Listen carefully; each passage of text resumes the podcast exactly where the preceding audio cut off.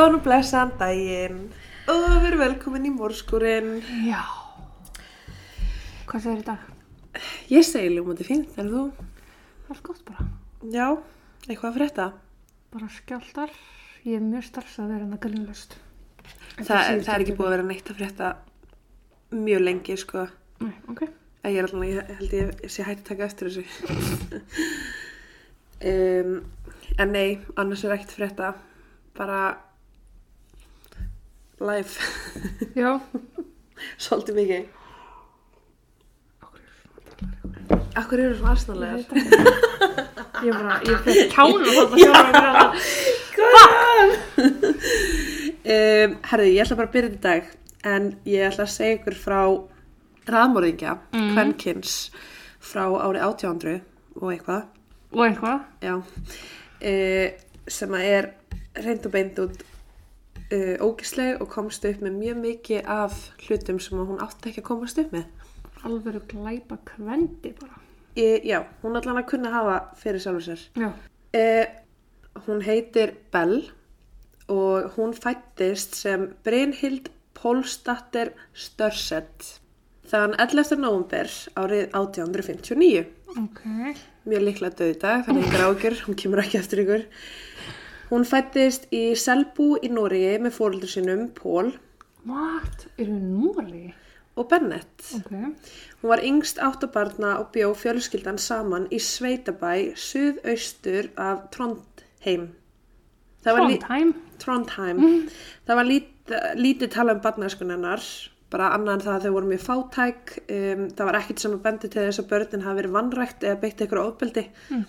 Ég held að það hafi bara verið svo típiska fjölskylda sem vann fyrir sjálfu sér og bara reyndi að komast af. Já. Hún var ung þegar hún fór á vinnumarkaðin og byrjaði að vinna á mjólkurbúi í nágruninu til að samna sinn peningum. Fóaldrarna ræktuðu flest allt græmiti og versluðu föt á nýtjamörkuðum fyrir börnin en þau áttu rétt svo fyrir útkostnaði og mat. Svo náttúrulega bara átta börn, þau voru bara í sömu fötunum. Átta börn. Já. Árið 1877 var Bell orðin 18 ára.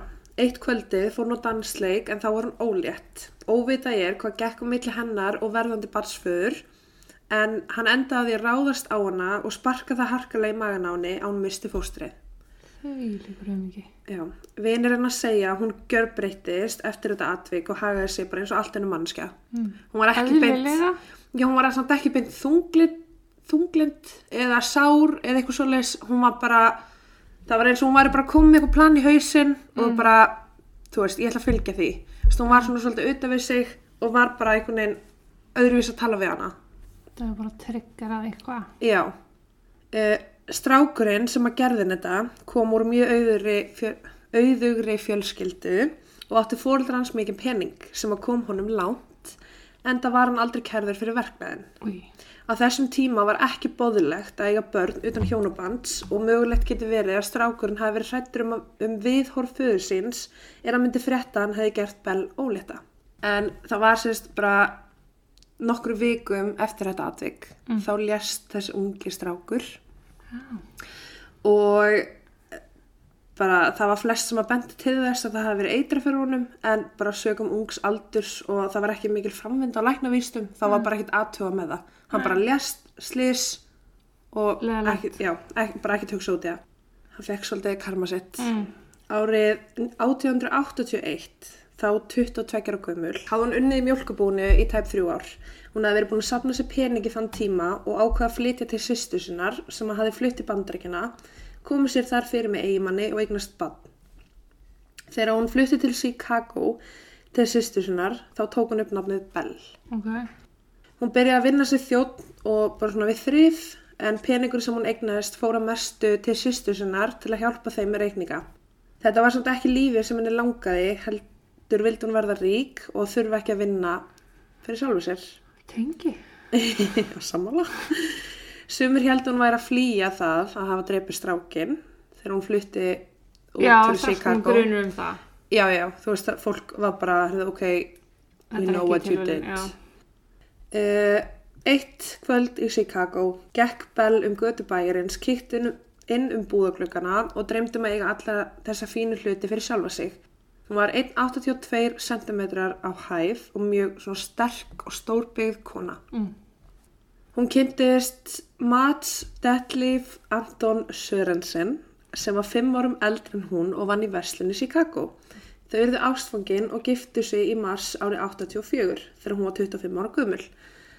Annað sem hana dreymdi um var eiga börn en hún elskaði þau og var mjög barngóð. Hún og maðurinn hennar, Mats, átti vandræði með eignast börn fyrstu árin og þar með grátbán sýstu sína um að fá að ætlega dótturinnar. Ó. Sýstirina þótti mjög væntið að hversu góð Bell var við barni sitt en vildi alls ekki missa hana, svo hún alltaf bara neyta henni, Já. sem að gerði Bell mjög reyða og þar með hættu samskipti þeirra bara alveg. Ok. Árið 1891 ætliði hún stelpu á nafni Jenny. Hún var dóttir nágrana þeirra og var móðir Jennyar á dánabiðinu, svo Bell grátbaði um að fá barnið hennar.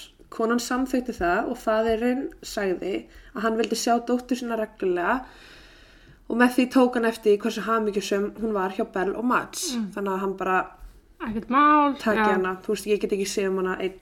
Þegar árin liðu giftist hann á ný og reyndi að fá dóttur sína tilbaka en Bell vann forræðisteluna. Ótrúlegt. Er það? Ég veist, þetta er bara einhver random kona, þú ert faðir batsins og þú ert komin á gott stryk með nýja konu og bara, Já, hann afsælaði sér alltaf fúraldra réttinum svolítið með því að leifin ætlaði hana, sko. það rétt. Bell og Mats eignuður snægum pening til að opna sjoppu á svæðinu. Þau voru sérst bara bæða að vinna á fullu og keiftu sér sjoppu og ekki sjoppu. Það tala um svona nammibúð Mm. en þetta er samt ekki eins og vimberið. Ég myndi meira að segja Já. þetta væri svo holtanisti. Já. Uh, en búðin mistókst verulega og gekk reksturinn mjög illa. Ári eftir opnun sjoppunar brann búðin til kaldra kóla og dulafullan hátt. Bell og þryggjara Jenny náðu að koma sér úr búðinni og kalla eftir hjálp en það var á seint. Búðin var hand ónýtt.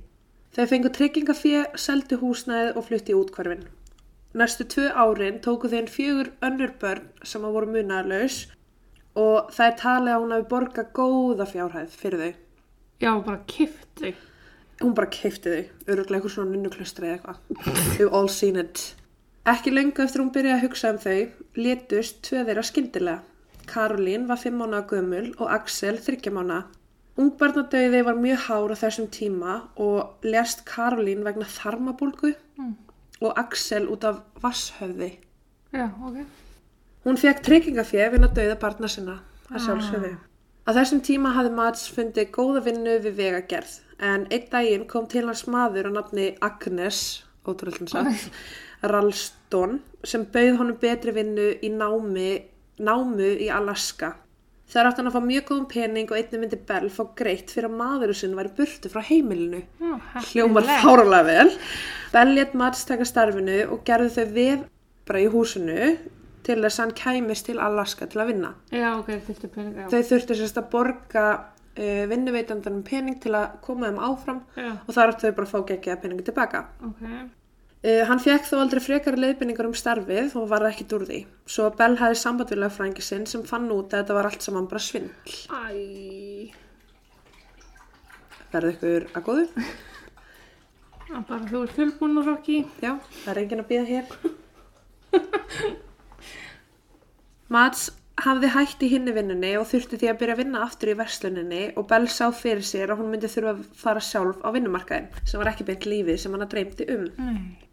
10. apríl árið 1900 kviknaði húsuna þeirra og fengu þau tryggingapeninga út af því. Nokkru mánuðu síðar var læknir á svæðinu sendur heim að Ósk Bell en hún hafði hringt og sagt að það var neyðar ástand. Þegar hann kom á svæðið lá Mats fullklættur í rúmunu sinu og látin. Bell útskýrði að hann hafi farið í vinnuna þennan dag, komið heim með kvef og hausverk en hún hefði síðan gefið honum töflu til að hjálpa bara höfuverknum og skildi hann eftir henni herbyggi til að kvíla sig á meðan hún útbjá mat. Þegar hann kom að aðtuga með hann, fann hún að hann var látin. Læknirinn sagði að hann hafi látist vegna heilablæðingar. Mats hafði líftryggingu á honum sjálfum fyrir 2000 dollara, en einnig hafði hann nýverið keift aðra fyrir 3000 dollara og ætlaði sérst að hætta við fyrri trygginguna. Hann ætlaði sérst bara að uppfæra trygginguna sína. Það var á þessum tímapunkti með tvær. En því lík tilviljun, daginn sem hann lést var einmitt dagurinn sem að báðar voru í gangi. Já. Bell fekk því samtals 5.000 dollara sem er um 145.000 dollarar í dag. Þetta er 1800, Já. þetta er 1900, Þú veist, þetta er þvílíkur peningur. Bell tók peningana og kefti sveitabæ í La Porte, Indiana. Hún og börnin hennar þrjú, eftirlifandi, flutti þanga í november árið 1901. Bell var þá orðin 42 ára gömul. Meðan hún var gift Mats hafði hún kynst manni að nafni Peter Gunness. Guinness. Gunness. Við ekki það um bjóðum. Vágat að vera geggir svona ölgerra auðlýsingar. Uh, Peter Gunness var mjög sexy maður fyrir sinn aldur. Ljósarður með blá augu og norskur eins og hún sjálf. Fyrir sinn aldur. Hann er líka færtur og eitthvað. 40 og eitthvað. Hætti maður að vera sexy þegar maður er færtur. Það þarf enginn að vita það. Uh, hann hefði verið giftur en konan hans lést við fæðingu dóttu þeirra. Æ. Áður en Bell flutti hitt hún Peter til að segja honum frá því að hún var að flytja en hún hefði alltaf verið bara svona smá skotin í honum. Mm. Þau urðu par og ákveða að flytja saman á samt tveimur dætrum hans. Ok. Þau giftu sér síðar og þar með tókun upp nafnið Gunness. Mm. Þar með var hann orðin Bell Gunness sem hann er mest þekkt fyrir í dag. Já. Fimm dögum eftir brúðkaupið lest sjö mánuða dóttir hans Æ, ég hætti í mér. út af bjúg í lunganu. Er það til? Það eru bara eitthvað vögvinn og lungum eða eitthvað. Mm. Það var mikill harmleikur en komust þau í gegnum það saman og óli hinn börnin upp. Ári síðar vöknuðu nágrana þeirra við að 12 ára dóttir þeirra Jenny kom grátandi yfir og baði um að koma heim til sín vegna þess að Papa had burned himself. Egin maðurinn og sonur hans hlupu yfir með hraði og komu að Bell sitjandi á eldurskólinu með Peter í fanginu og blóðpóll undir honum. Sonurinn hljópu sækir lækna á svæðinu en það úr seint. Hann hafi verið dáin í eitthvað tíma. Hann var sár aftan á höfðinu og var því haldið fram að hann hafi verið myrtur. En ekkert fannst um bruna eins og Jenny hefði sagt. Ok. Bell sagði að Peter hafi vaknað, lappaði eldur sig að segja skóna sína og þegar hann beigði sig hafði þung hakkavél dottið á hann og pottur með heitu vatni skvest út um allt. Ha? Hvernig gerist það? Ég veit það ekki, Nei. þú veist, eh, svo, já, Já. uh, hann er örugglega bara reiksi eða eitthvað. Nefna það að svo í ljós kom og það var aldrei eitt pottur með heitu vatni en whatever. Já. Bell hafi spurt hann hvort það var í lægi, sérst, eftir hann fekk þessa hakkavél á hausinn. Og hann sagði svo vera en fór að leggja sig. Setna fann hún hann liggjandi á eldurskólinu látin. Bara allt í einu því litt sjokk, Mm. bara harmleikur. Það var mjög grunnsalegt og voru nágrann ekki sammála því að hann hafi látist vegna þessa. Krupning leiti ljós að hann var ekki brendur neinstar úr líkamannum og nefið hans var brotið. Hljóðu þú fara hakka vel á hnakkan, hvernig brotna nefið? Ok, ég er ekki læknir en þú veist, Nei. Uh, hann var með blæðingu í heila eftir högga aftur á hnakka. Bell og Jenny voru báðar yfirheyrðar en þær höfðu sömu sögu að segja. Nákvæmlega sömu sögu að segja. Jenny var spurð um fyrsta mann móður sinnar og hún enn og aftur hafði sömu sögu að segja. Mm. rannsókn leiti ljós að Peter lest, af slísafurum en bæjarbúar voru ekki beint sammála því. En sagan sem gekk mann á milli var bara hún að ég dreipið hann. Mm Bell var ólétt eftir Peter uh, og nokkur mánuðum eftir rannsóknina var ljósmóðir á leiðinni heim til hennar þar sem hún átti vona á sér. Og hún var sérst bara leiðinni til að taka mútið bandinu. Já.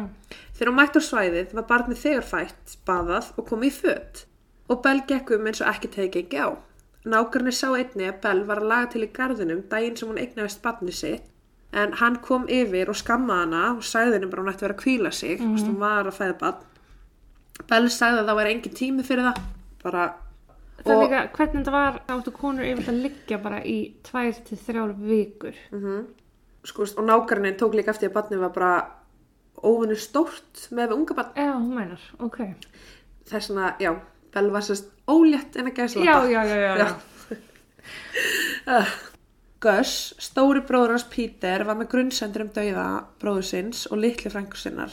Hann vissi að Peter hafi verið með 2500 dólar líftryggingu sem að börnin hans ætti að fá og vildi að sérst, eftirlifandi dóttur hans myndi fá þá peninga. Mm Gus fór heim til Bell, sá að eftirlifandi dóttir hans var mjög hamingsum og leið vel.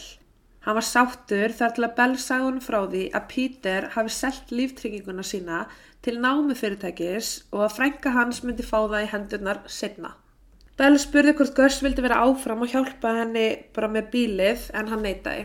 Nokkru dögum eftir hann kom vaknaði Bell og tók eftir því að Gus var farinn og hafði tekið frænku sína með sér. Gus sagði fólki frá því að hún hafi liðið mjög óþægilega á svæðinu. Eftir að Peter dó tók Bell við öllum störum heimilisins meðal annars að mjölka kýrna, rækta gremmitið og það var bara lóð mikið fyrir hana Já. og sjá um börnin.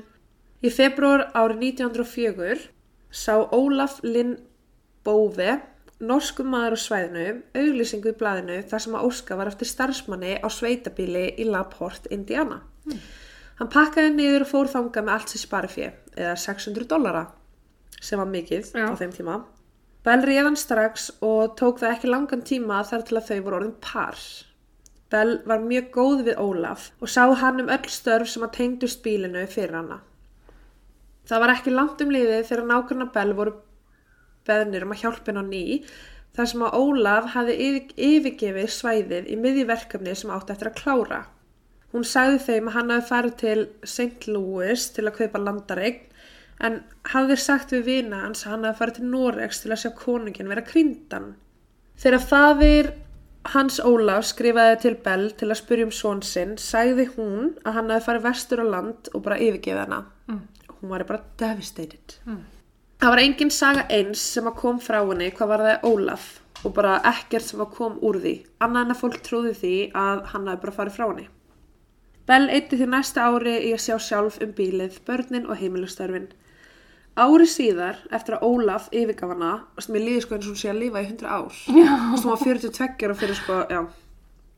Ári síðar, eftir að Ólaf yfirgaf hana, kom Henry Gerholt til að vinna hjá henni, en nágrannar tóku eftir því að hann var með svona stóra járnkistu með sér, sem bara gemt fyrir dót. Já. Þú veist, Hann tók bara, var greinlega flytjinn. Eitthvað svona koffort. Já. Henry skrifaði móður sinni reglulega og talaði vel um Bell, sagði hann að koma mjög vel fram við hann og að hann væri hamingjusamur hana.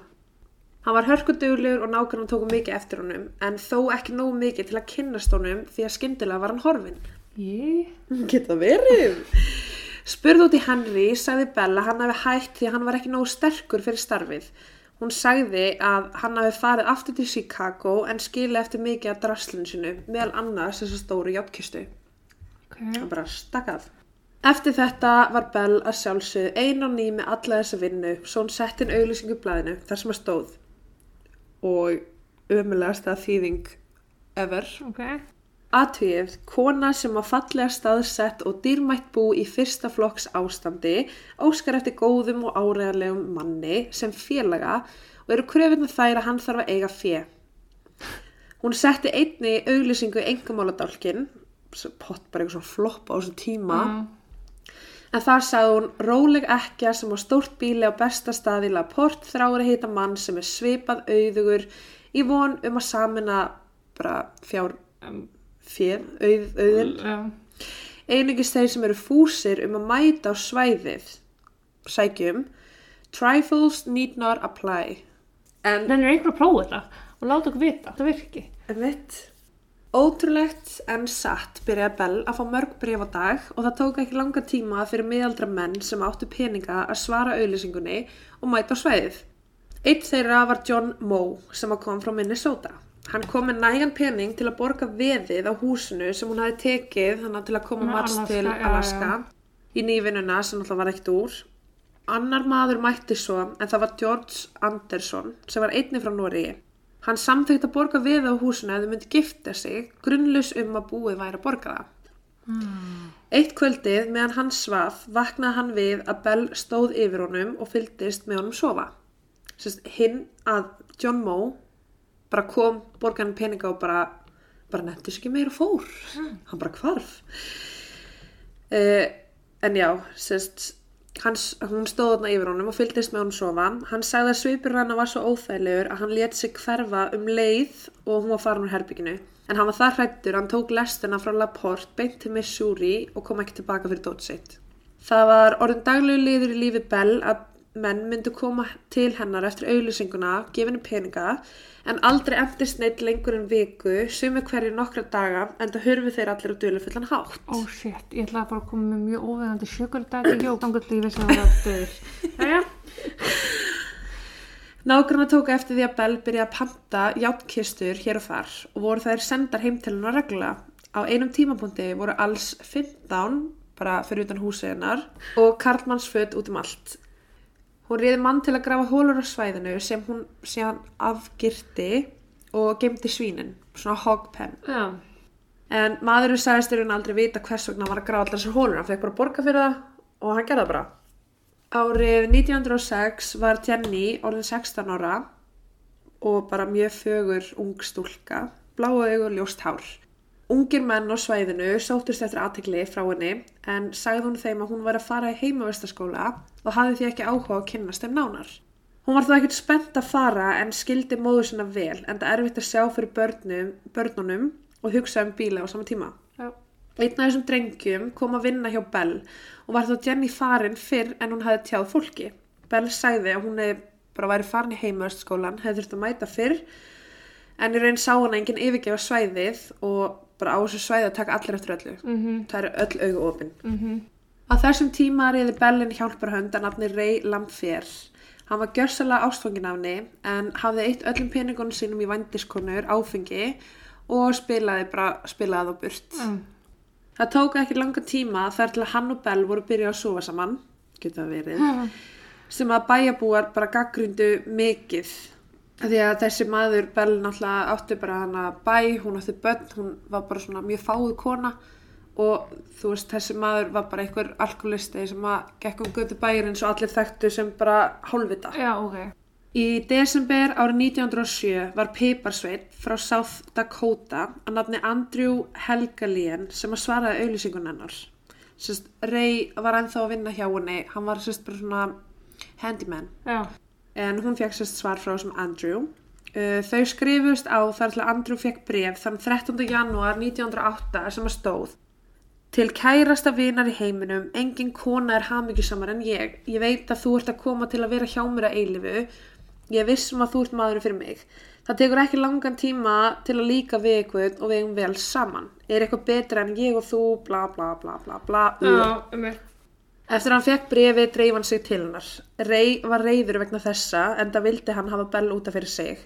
Andrew var með líftryggingu og viti með henn.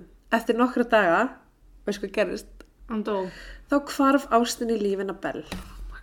Rey byrjaði að vera svo væmnisjúkur út af öllum þessum mönnum sem hann var að koma til Bell að hann byrjaði með lætu vesen svo hann þurfti að reka hann bara á endanum Mm. og henda hann út.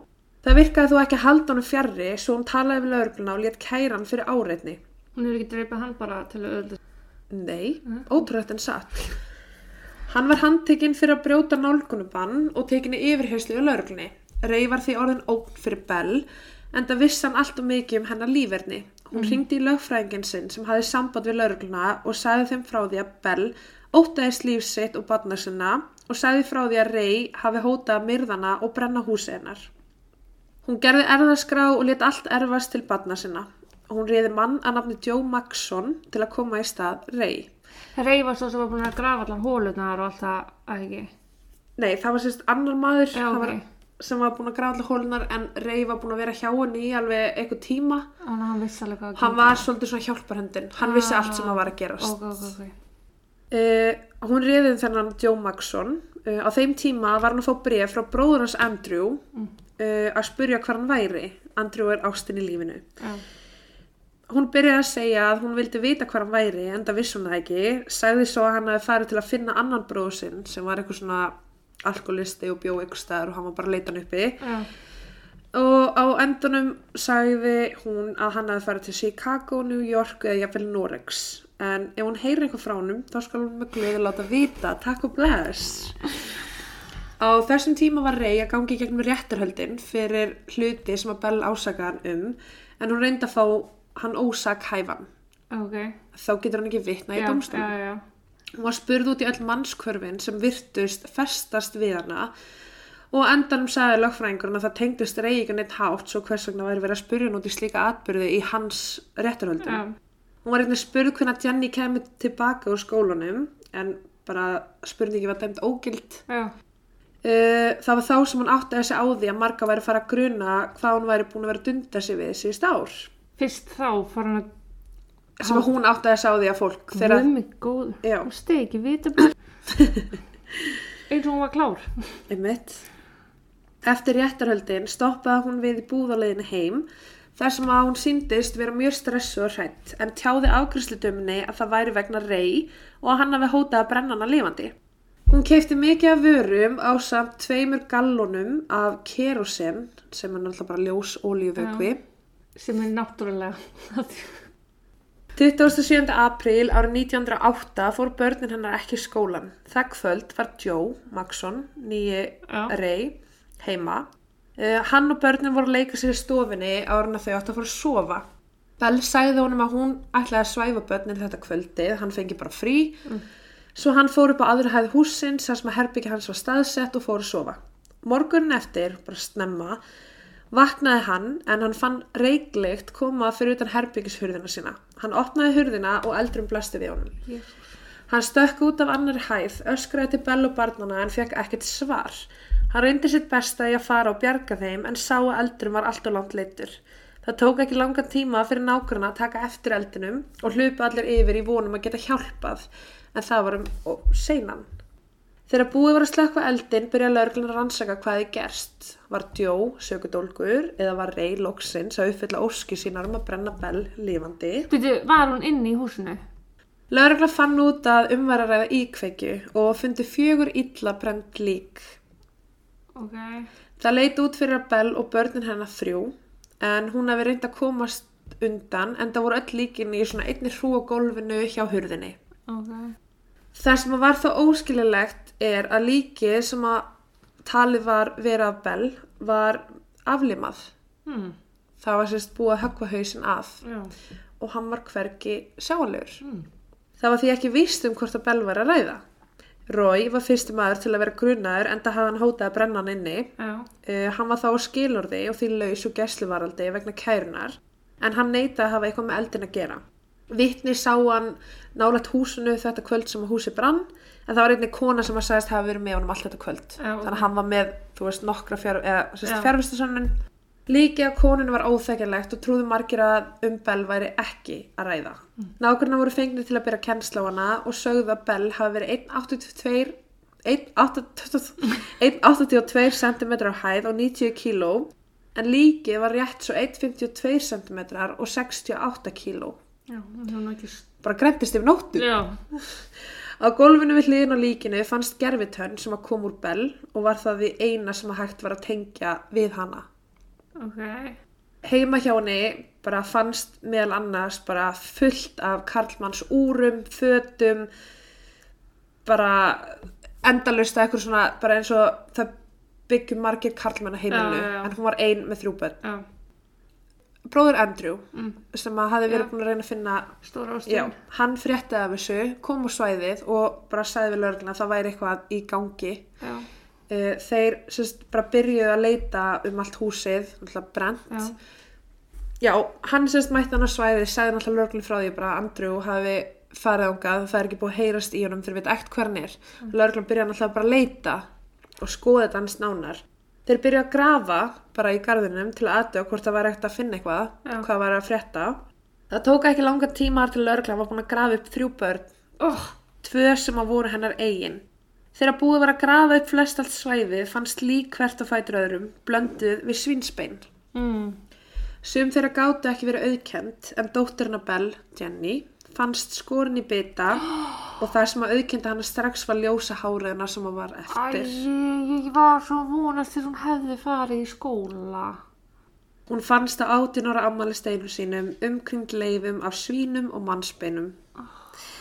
Það var ekki til tæki og tól fyrir tæknideild á þessum tíma og því erfitt að byrja almennilega kennsl á lík nema með tannleiknaskrám og þar sem að það var bú, ekki búið að auðkenna all líkin sem að fundust og sumstar fundust bara líkamspartar.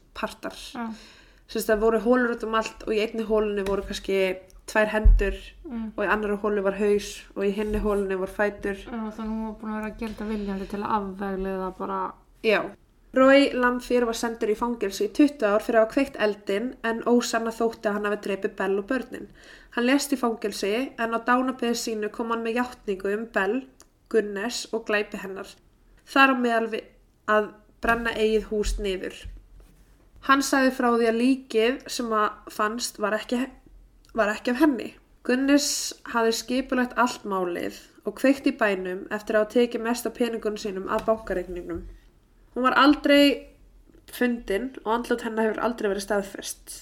En Rói, hann sagði sérst frá því að hausleis og líkamannum sem að fannst og var talað að vera Bell var að ráðskonu frá Chicago sem að hún hafi ráðið inn á heimili rétt áðurna eldur en kom. Já. Hún dópaði konuna, drap hana, tók af henni hausinn og hendi því vatn í nágrunnu. Hún drap einni börnu sín, klætti líki í föt af sér og staplaði þeim öllum saman ára hún kveikti húsinu og stakk af.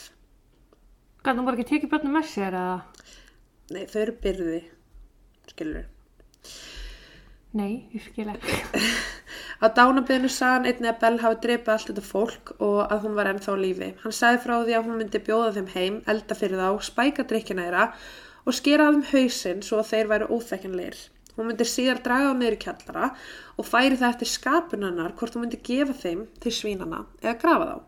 En það er talið, það voru sérst 14 full eða heil lík sem að fundust Já. sem er búið að staðfesta en það er talið að það séu kringu 40 manns en það voru eftir að var búið að taka sérst öll beinin og Já. raða í parta þá voru auka bein hér og þar sem að pössuðu ekki við neitt annað. Ó, þannig að þú veist það voru alltaf einu kannski tíu aðra hendur. Já, þannig að það er talað um að það hafi verið í kringum 40 manns ímist karlmenn sem að svöru auglýsingun hennar mættu heim. Eigimennir hennar tveir, Peter og Mats. Mhm. öll börnin sem hún átti. Og já, hún alltaf bara gengur laus. En árið 1931 var kona nafni Esther Karlsson handtekinn í Los Angeles fyrir að eitra fyrir bara einhverjum August Lindstrom út af peningum Tveir mann sem að þekktu Bell töldu að þetta væri hún en þá hún aldrei gerð almennileg rannsókn á því og lest hún á meðan hún beði eftir rétturöldum. ágætt. Þannig að það, það er talið að þetta hafi verið hún en það er samt ekki vitað. Og það var gerð sérst árið 2013 held ég, 2017, 2015. Árið 2000 og eitthvað Já. var gerð sérst rannsókn við um einhvers háskóla Já, og þar voru þeir að reyna að bera, nota sérst nýju tæknina með DNA og framvindu þeirra læknavísta já, til að taka DNA þennar og reyna að bera saman við sérst, bæði þessa konu, Mm. bera saman við líki sem að fannst heima hjá þeim og bara reyna að finna út hvort þetta staðfyrsta, hvort það hafi hún eða ekki. En það var bara allt og eðilagt og það var ekki hægt. En þeir eru ennþá að vinna í því en þetta var 1900 þannig að hún er 100% án í dag Já. en við veitum ekkert hvað varð um hana hvort hún hafi farið, það er mjög víst að þetta var ekki hún þessi Ester. nei, þessi sem að fannst hana Já, já, já, já, já, eina sem að læknandi tengdu við var að það fannst gerfitönn já, já. við hliðin á líkinu sem að var talið verið hann hann úr sér hendina. mjög auðvelt. Já, Akkurat er gerfitönnan ekki hausinn. Ég veit það ekki. En svo er ekkert vitað hvort hann hafi flust burt og haldið áfram með sama dæmið og þar lendi gæti verið enn fleiri fórnalömb Já. sem að hún gæti að dreipið sem engi veit af. Shit. Þetta er samt pottið tryggjurað út af þessu fóstumilsi. Já, það er talið að það sé Já. og hennar draumur að eiga börn Mm. og hún gati ekki átt börn með Mats Já. þurfti að ætliða þau þannig að hennar bara Guður sagði að hún er þetta ekki að vera móðir Já. hvað sagði Ég ég? veit ekki alveg, ég sagði bara já. En já, uh, Bell var eitt ógeðs kvendi Já. og ég mæla ekki með neinum að feti fótspor hennar yfirkomanda peninga eða vinnið inn sjálf, takk fyrir Ég er bara sugar daddies. Bara ekki dreipa það. eða það, já, bara leiðum að lifa skilur uh, en ég hef svo sem ekkert meira um þetta að segja Ég er bara svo steinhissa að þetta hafi ekki komist upp fyrir. Bæði þetta og eins og með Giggling Granny málið að enginn hafi verið bara að þetta er náttúrulega skrítið fyrir en að það eru bara búin að drepa einmitt tugi manns. Já, sko nágrannir náttúrulega grunu þetta en ég meina þú vilt ekkit vera í ykkur Ég held að Bífi hafi ekki, nei, við- nákvæmlega, svona mannesku. nei, Þú grunur um, nei, þannig að og líka bara ég held að það hafi bara verið vorkendinni mjög mikið veist, hún var alltaf rosa duglega með bíli og, Börnin og já, já,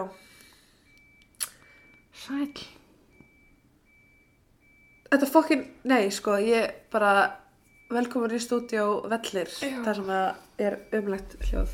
Uh, en já, ég hef svo sem lítið meira um þetta mál að segja, þannig að ég ætla bara að segja takk og bless í bíli Já, og við heyrumst síðar. Takk og bless. Takk og bless.